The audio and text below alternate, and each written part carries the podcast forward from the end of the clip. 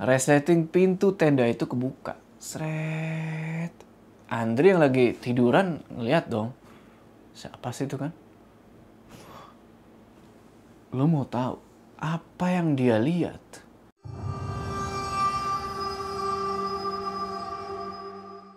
Assalamualaikum teman-teman, balik lagi sama gua Jo. Apa kabar kalian semua? Semoga kalian semua yang menonton video ini diberikan kesehatan, dilancarkan rezekinya dan selalu dimudahkan urusan-urusannya dan selalu diberikan perlindungan dari wabah yang sedang melanda dunia saat ini dan doa buat teman-teman kita yang kena bencana ya.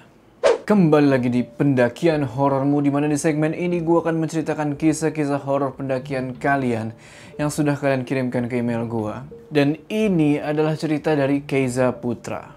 Di mana dia ingin membagikan pendakian horor pamannya. Sebut aja namanya itu Andri. Sewaktu beliau mendaki ke Gunung Gede Pangrango via Selabintana di tahun 1985. Yang di mana dari pendakian itu Salah satu sahabatnya Andri mengalami hal di luar nalar dan mengakibatkan jiwanya hilang. Kenapa bisa begitu? Penasaran kan? Tonton video ini terus.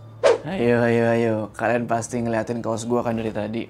Yes, bener banget. Ini kaos gue suka banget dari Els Montana. Seven Summit of Java tujuh puncak tertinggi di Jawa. Ada Semeru, Slamet, Sumbing, Arjuno, Raung, Lau, dan Welirang. Kalian pernah naik yang mana? Kalau gue pernah naik Lau dan Semeru. Kenapa gue suka banget sama kaos ini? Karena desainnya keren lah. Kalian tau lah. Yang udah pernah beli kaosnya Els Montana pasti tahu desainnya menunjukkan kalau kita itu pendaki banget. Jadi misalkan kalau kita pakai kaos ini, terus mendaki kayak berasa, eh gunung udah gue daki ini semua. Padahal kita baru naik ke gede doang. Oke, dan ini bahannya tuh enak banget. Dijamin kalian gak bakal gatal-gatal, gak bakal kepanasan, aman. Buat yang pengen beli kaos ini, cek info di deskripsi ya. Oh iya, kalau kalian gak suka warna hitam, banyak warna-warna lainnya. Kalian bisa pilih. Kalau gue sih pribadi suka warna hitam. Oke, gak usah lama-lama lagi. Udah siap ya? Mode horor aktif.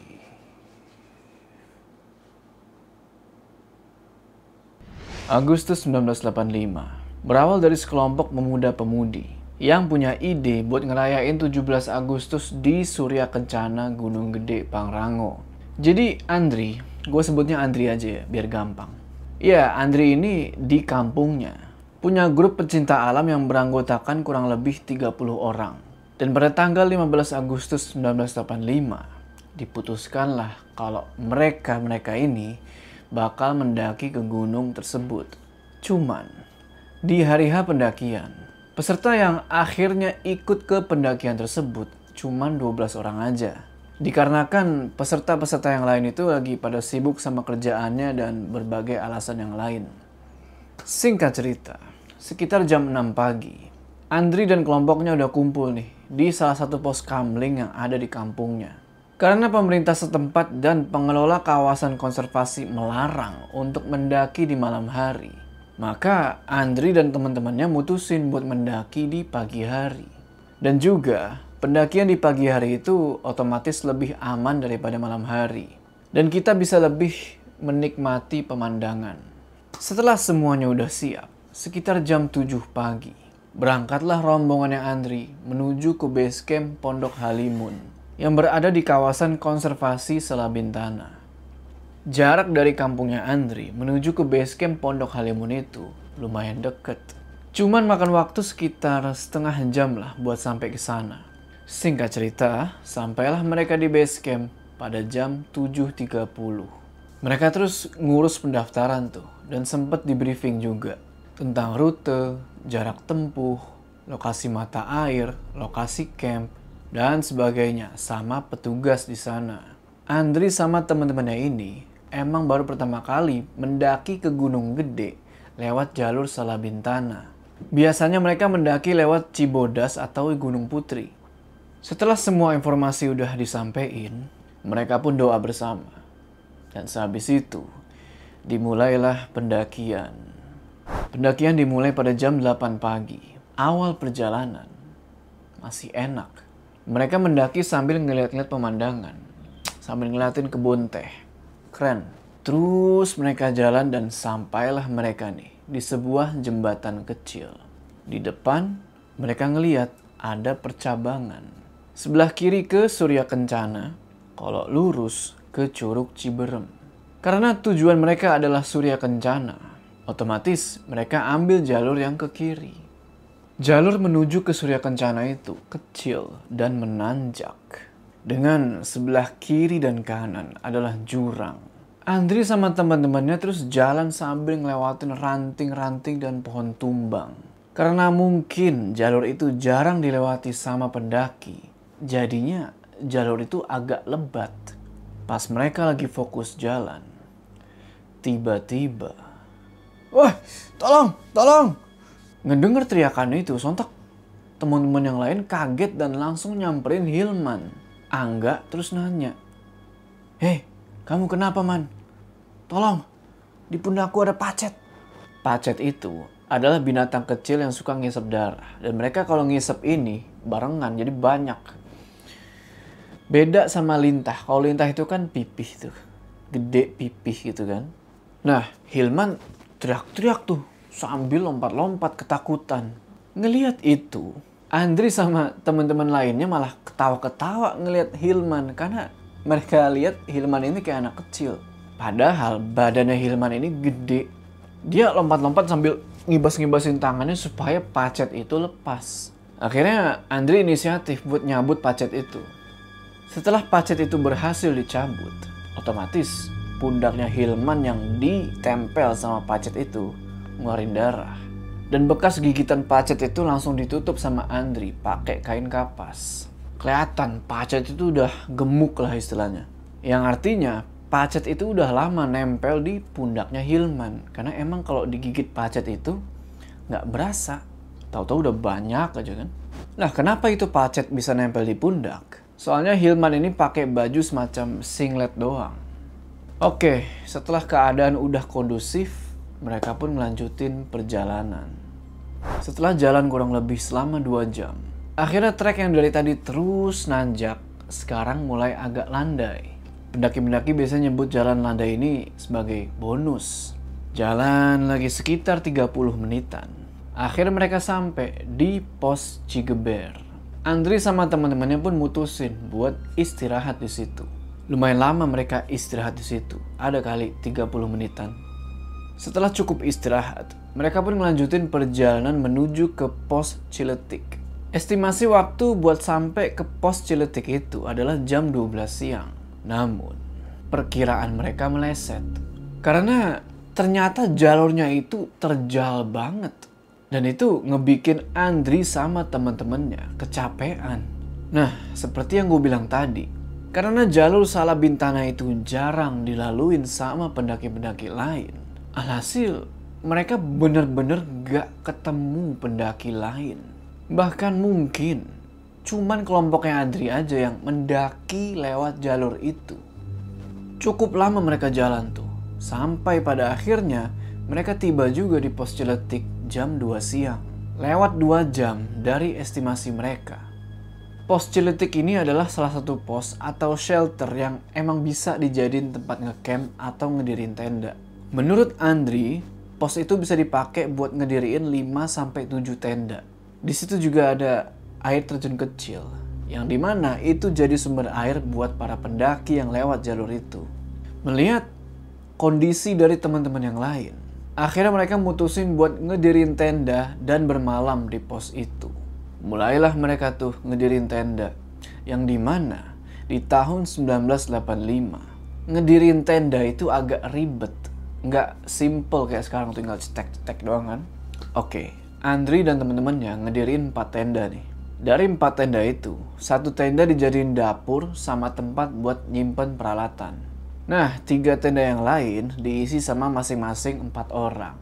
Jadi empat, empat, empat, pas dua belas.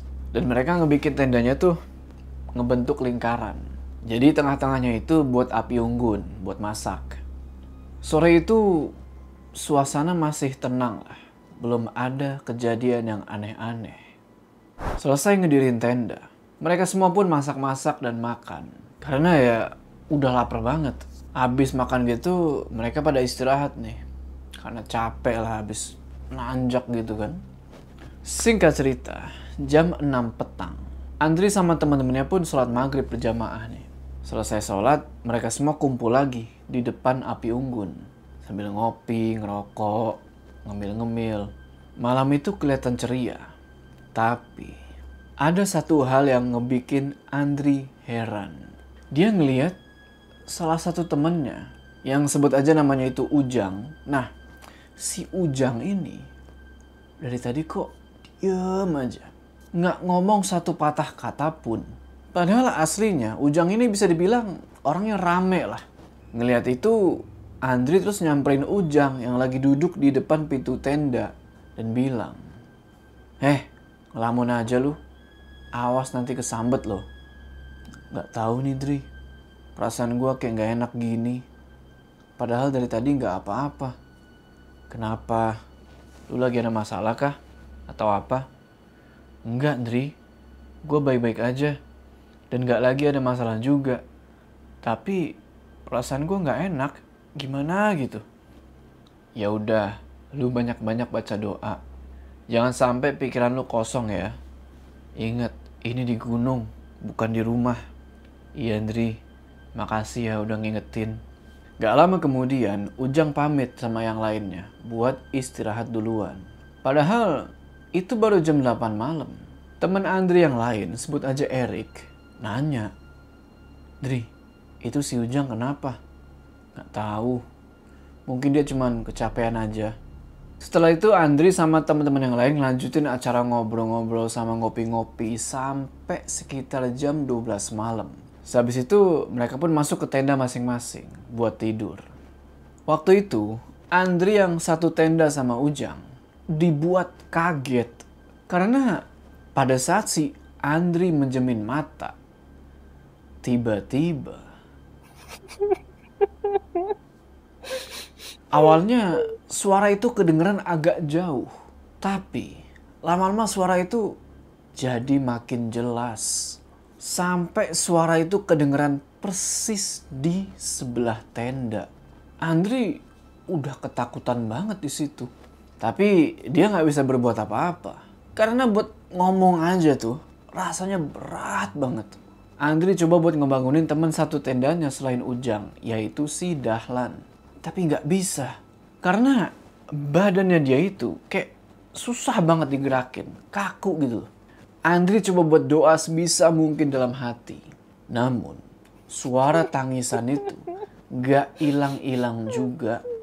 Gak lama kemudian, Andri yang dalam posisi terlentang, otomatis pandangannya itu ngarah ke atas tenda dong. Nah, di situ dia ngeliat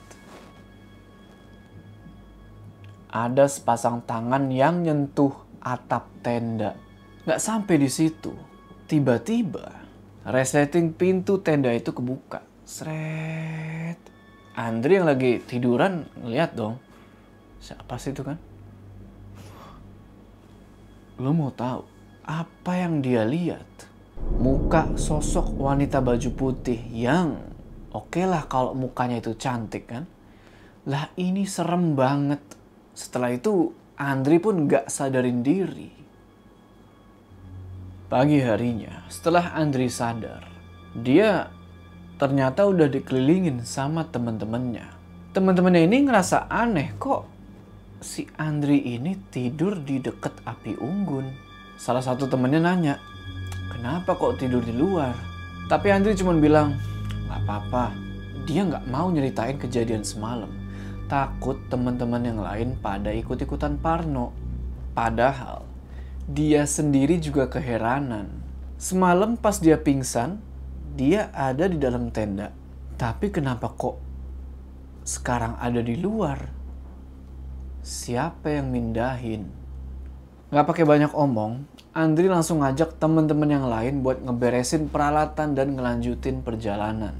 Singkat cerita, setelah semuanya udah beres, udah sarapan, segala macem, mereka pun ngelanjutin perjalanan pada jam 9 pagi. Menurut informasi dari base camp, dari pos Ciletik menuju ke alun-alun Surya Kencana itu, bakalan makan waktu sekitar 2 jam dengan medan yang menanjak. Erik bilang, ah nanjak cuma 100 meter gini mah, setengah jam juga nyampe. Shh, dijaga omongannya, jangan sompral. Ingat ini di gunung. Udah-udah, ayo cepet kita lanjut. Mereka mulai tuh mendaki tanjakan tersebut. Tapi itu tanjakan emang gak main-main. Semakin mereka jalan, tanjakan itu malah makin menjadi-jadi. Kayak gak ada ampun. Bahkan mereka di situ mengakui kalau trek Salabintana ini adalah trek terberat buat mendaki ke Gunung Gede Pangrango. Tingkat kecuraman tanjakannya itu ya, kira-kira 45 sampai 60 derajat. Terus mereka mendaki tanjakan itu. Sampai salah satu dari mereka, sebut aja Fikri, emosi dan dia bilang, Gila, katanya cuma 100 meter. Lah ini 1000 meter kali. Mana jalurnya nanjak mulu. Andri pun juga jadi agak sedikit emosi. Tapi untungnya nggak diluapin sama dia. Karena dia juga nggak nyangka kok tanjakannya bisa seterjal ini. Waktu terus berlalu dan gak terasa, udah jam 2 siang. Andri sama teman-temannya udah mulai kelaparan. Gak lama kemudian, mereka sampai nih di trek berbatu yang agak licin. Untungnya di situ disediain webbing atau tali. Jadi mereka naik itu dengan dibantu sama webbing itu. Terus mereka mendaki dan pada akhirnya tanjakan perlahan-lahan mulai berkurang tapi masih tetap di area hutan. 30 menit berlalu dan sampailah mereka di Simpang Gemuruh. Dan menurut informasi, mereka harus ambil jalur yang ke kiri. Ngelihat jalurnya, uh mereka seneng tuh, karena jalurnya udah mulai menurun. Otomatis mereka jadi semangat lagi. Tepat jam setengah enam sore, akhirnya mereka sampai juga di alun-alun Surya Kencana Barat. Hari itu lumayan ada beberapa pendaki yang ngecamp di sana. Andri dan yang lainnya pun mulai nyari tempat nih buat ngedirin tenda. Singkat cerita, setelah nemuin tempat buat ngecamp, mereka diriin lah tuh tenda kan. Ngedirinnya tuh kayak kemarin ya, tiga tenda diisi sama orang, masing-masing empat. Satu tenda buat dapur dan buat nyimpen peralatan. Selesai ngedirin tenda, seperti biasa, karena udah masuk waktu maghrib, Andri sama teman-temannya sholat dulu. Jam 7 malam, mereka semua makan tuh. Malam itu, Andri dan yang lainnya nggak ngalamin hal yang aneh-aneh. Malam itu menurut mereka indah banget. Mereka ngobrol-ngobrol, ngopi-ngopi, dan sekitar jam 8 malam. Mereka mutusin buat tidur karena besoknya jam 2 malam atau jam 2 dini hari. Mereka mau pergi summit attack ke puncak gede Singkat cerita, jam 2 dini hari, mereka semua bangun dan langsung ngeberesin tenda. Karena setelah nanti dari puncak, mereka mutusin buat turun lewat jalur Cibodas, bukan lewat Salabintana lagi. Setelah tenda dan yang lainnya udah beres, berangkatlah mereka ke puncak. Perjalanan ke puncak itu, mereka nggak ngalamin gangguan apa pun. Cuman tiga orang temannya Andri aja yang sempat mengalami kram tapi itu semua bisa diatasi. Pada jam 5 pagi, akhirnya mereka sampai juga di puncak gede. Waktu itu puncak lumayan rame. Karena banyak pendaki yang mau ngerayain 17-an di puncak itu. Mereka pun upacara bendera tuh. Singkat cerita, setelah upacara dan menikmati pemandangan dari puncak itu, pada jam 10 pagi, mereka mutusin buat turun gunung. Awal-awal mereka turun, belum ada masalah apa-apa. Belum. Sampai mereka di kandang badak dan mutusin buat istirahat sebentar. Temennya Andri, si Ujang, inget kan sama si Ujang? Kebelet dia nih, pengen buang air kecil. Dia pun langsung nyari semak-semak dan buang air kecil tuh. Tapi, gak lama kemudian, si Ujang ini langsung lari lagi keluar dari semak-semak dan nyamperin temen-temennya. Terus dia bilang, Woi woi, Sini ikut gua. Lu kenapa, Jang? Emang ada apaan sih? Sampai lari-larian gitu? Ya udah, makanya buruan, sini ikut gua.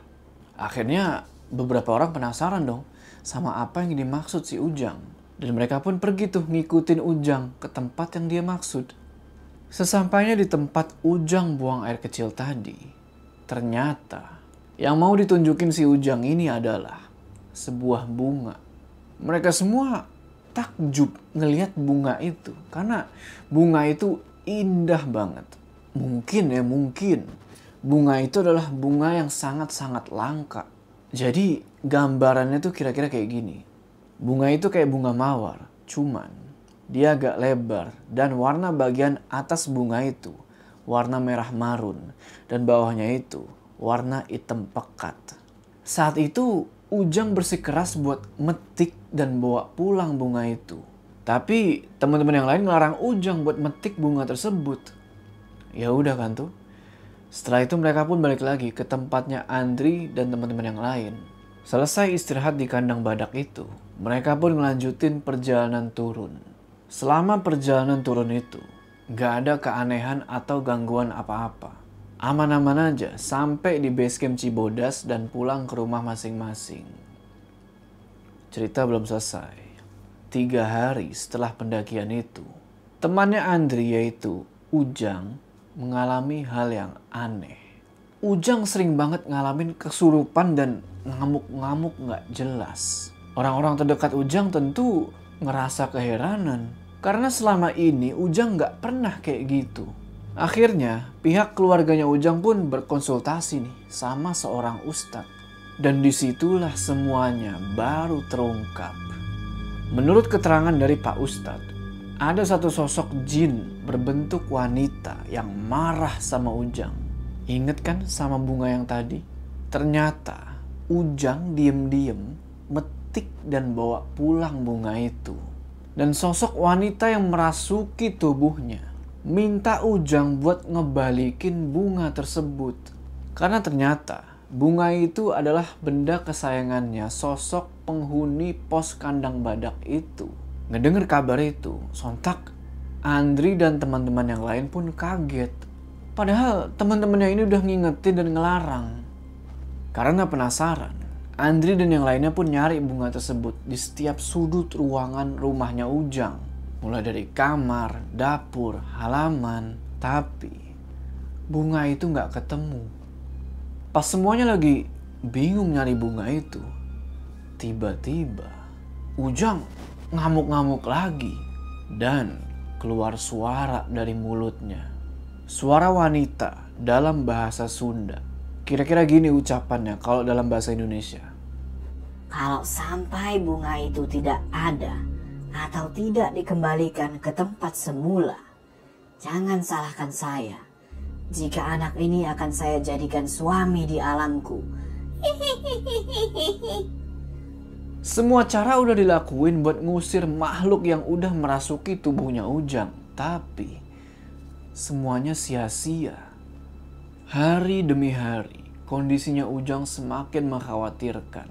Udah kayak orang gila, suka linglung gitu. Pihak keluarga udah hampir putus asa. Karena setiap mereka pergi ke orang yang dianggap bisa nyembuhin Ujang, jawabannya tetap sama. Sosok wanita itu tidak akan melepaskan Ujang jika bunga itu tidak dikembalikan. Karena bunga itu nggak ketemu-ketemu dan bingung mau nyari ke mana lagi. Akhirnya Ujang dibiarin gitu aja kayak orang gila. Terkadang Ujang suka tiba-tiba ngamuk. Dan gak jarang pula Ujang itu kayak lagi ngomong sendirian. Cuman setiap Ujang ngomong, selalu terselip kata-kata kalau dia ingin pulang dan mohon-mohon ampun. Itu berlangsung sampai Ujang berumur 34 tahun. Sewaktu pendakian ke Gunung Gede itu, Ujang berumur 21 tahun. Jadi, Ujang menderita itu selama 13 tahun lamanya. Tapi, sewaktu Ujang menginjak umur 35 tahun, dia sempat sembuh. Keluarga, teman-teman, dan tetangganya pun senang di situ. Namun, setiap Ujang ditanyain tentang bunga itu dan apa aja yang udah dia alami selama 13 tahun itu, dia selalu ngejawab nggak tahu. Ujang pun mulai berangsur membaik dan bisa dibilang udah mulai normal lagi. Dia udah bisa beraktivitas kayak biasa dan kumpul sama teman-temannya yang lain. Sampai suatu hari, Ujang bosan dan pengen kerja. Ujang terus dibeliin sepeda motor sama orang tuanya dan jadilah dia tukang ojek di kampung itu. Nah, suatu hari Ujang dapet seorang penumpang nih, seorang ibu hamil. Tapi teman-teman ojek yang lain tuh kayak punya firasat buruk tentang perempuan itu. Dan sempat beberapa dari mereka itu ngelarang Ujang buat ngebawa penumpang tersebut. Tapi Ujang nggak mau denger dan tetap ngebawa penumpang itu. Dan pergilah dia. Waktu itu, nggak tahu apa yang lagi dipikirin sama Ujang. Menurut saksi yang ada di TKP, Ujang ngebawa motor itu sambil ngelamun. Sampai di suatu belokan yang dari arah berlawanan itu, ada sebuah truk pengangkut minyak tanah. Supir truk ini udah beberapa kali ngasih klakson, tapi Ujang nggak denger. Lalu supir ini ngelihat kalau Ujang ini sempet ngebanting stang ke arah kiri. Tapi stang motornya Ujang ngenain sisi truk itu. Alhasil motornya dia oleng dan dia sama penumpangnya pun jatuh. Ujang sempat terpental beberapa meter, tapi penumpangnya mengalami hal yang lebih naas. Ibu hamil itu masuk ke dalam selokan kecil di pinggir jalan yang lumayan dalam. Warga-warga yang lagi ada di lokasi kejadian perkara sontak nyamperin buat nyelamatin ibu-ibu itu. Pas warga ngelihat ibu-ibu hamil itu, kondisinya udah mengenaskan. Kepalanya itu bisa dibilang udah hancur lah. Gua nggak mau jelasin terlalu detail. Seketika warga-warga langsung teriak, Allahu Akbar, Innalillahi. Dan gak cuma itu, ibu-ibu hamil tersebut juga mengalami pendarahan dari bagian bawah. Yang artinya, ya kalian tahu lah apa yang terjadi sama janin yang dikandungnya.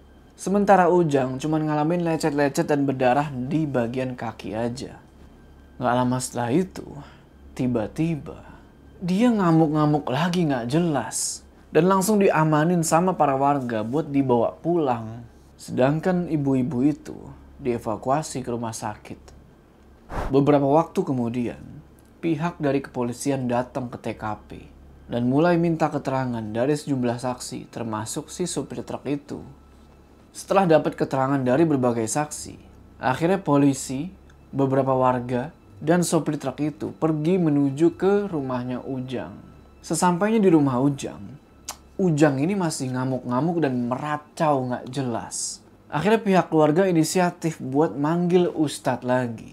Nah, singkat cerita, begitu Ustadz tersebut sampai di rumahnya Ujang, tiba-tiba dari mulutnya Ujang keluar suara.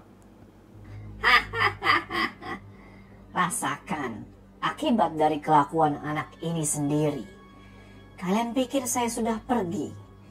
Kalian pikir omongan saya bohong? 13 tahun jiwa anak ini saya kurung di sana. Sekarang waktunya anak ini saya bawa dan saya jadikan suami. Ustadz tersebut sontak langsung nyamperin Ujang yang lagi dipegangin sama beberapa warga dan Andri. Kelihatan Pak Ustadz itu berusaha buat ngusir makhluk tersebut dengan segala kemampuan yang dia bisa. Tapi makhluk itu tetap gak mau pergi. Malah Ujang jadi makin menjadi-jadi, jadi kejang-kejang dan makin teriak-teriak. Lalu, gak lama kemudian, Ujang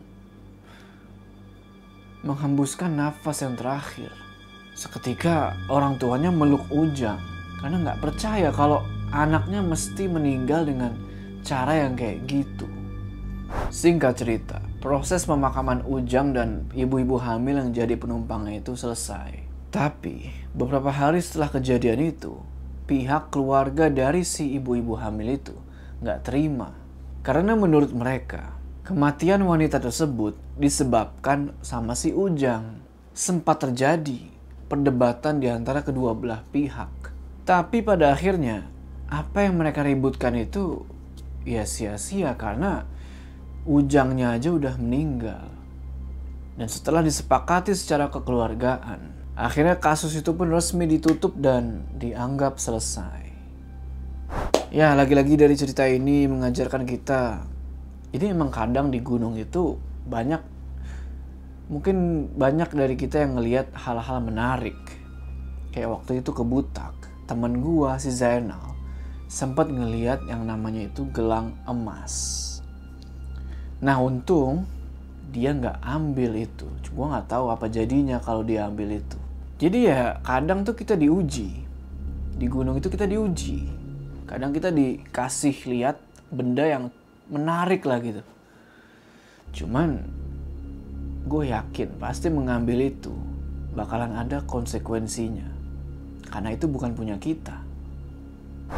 Oke teman-teman, gimana tuh tadi ceritanya? Tulis pendapat kalian di, tulis pendapat kalian di kolom komentar ya. Semoga kita semua mendapat pelajaran dari cerita ini.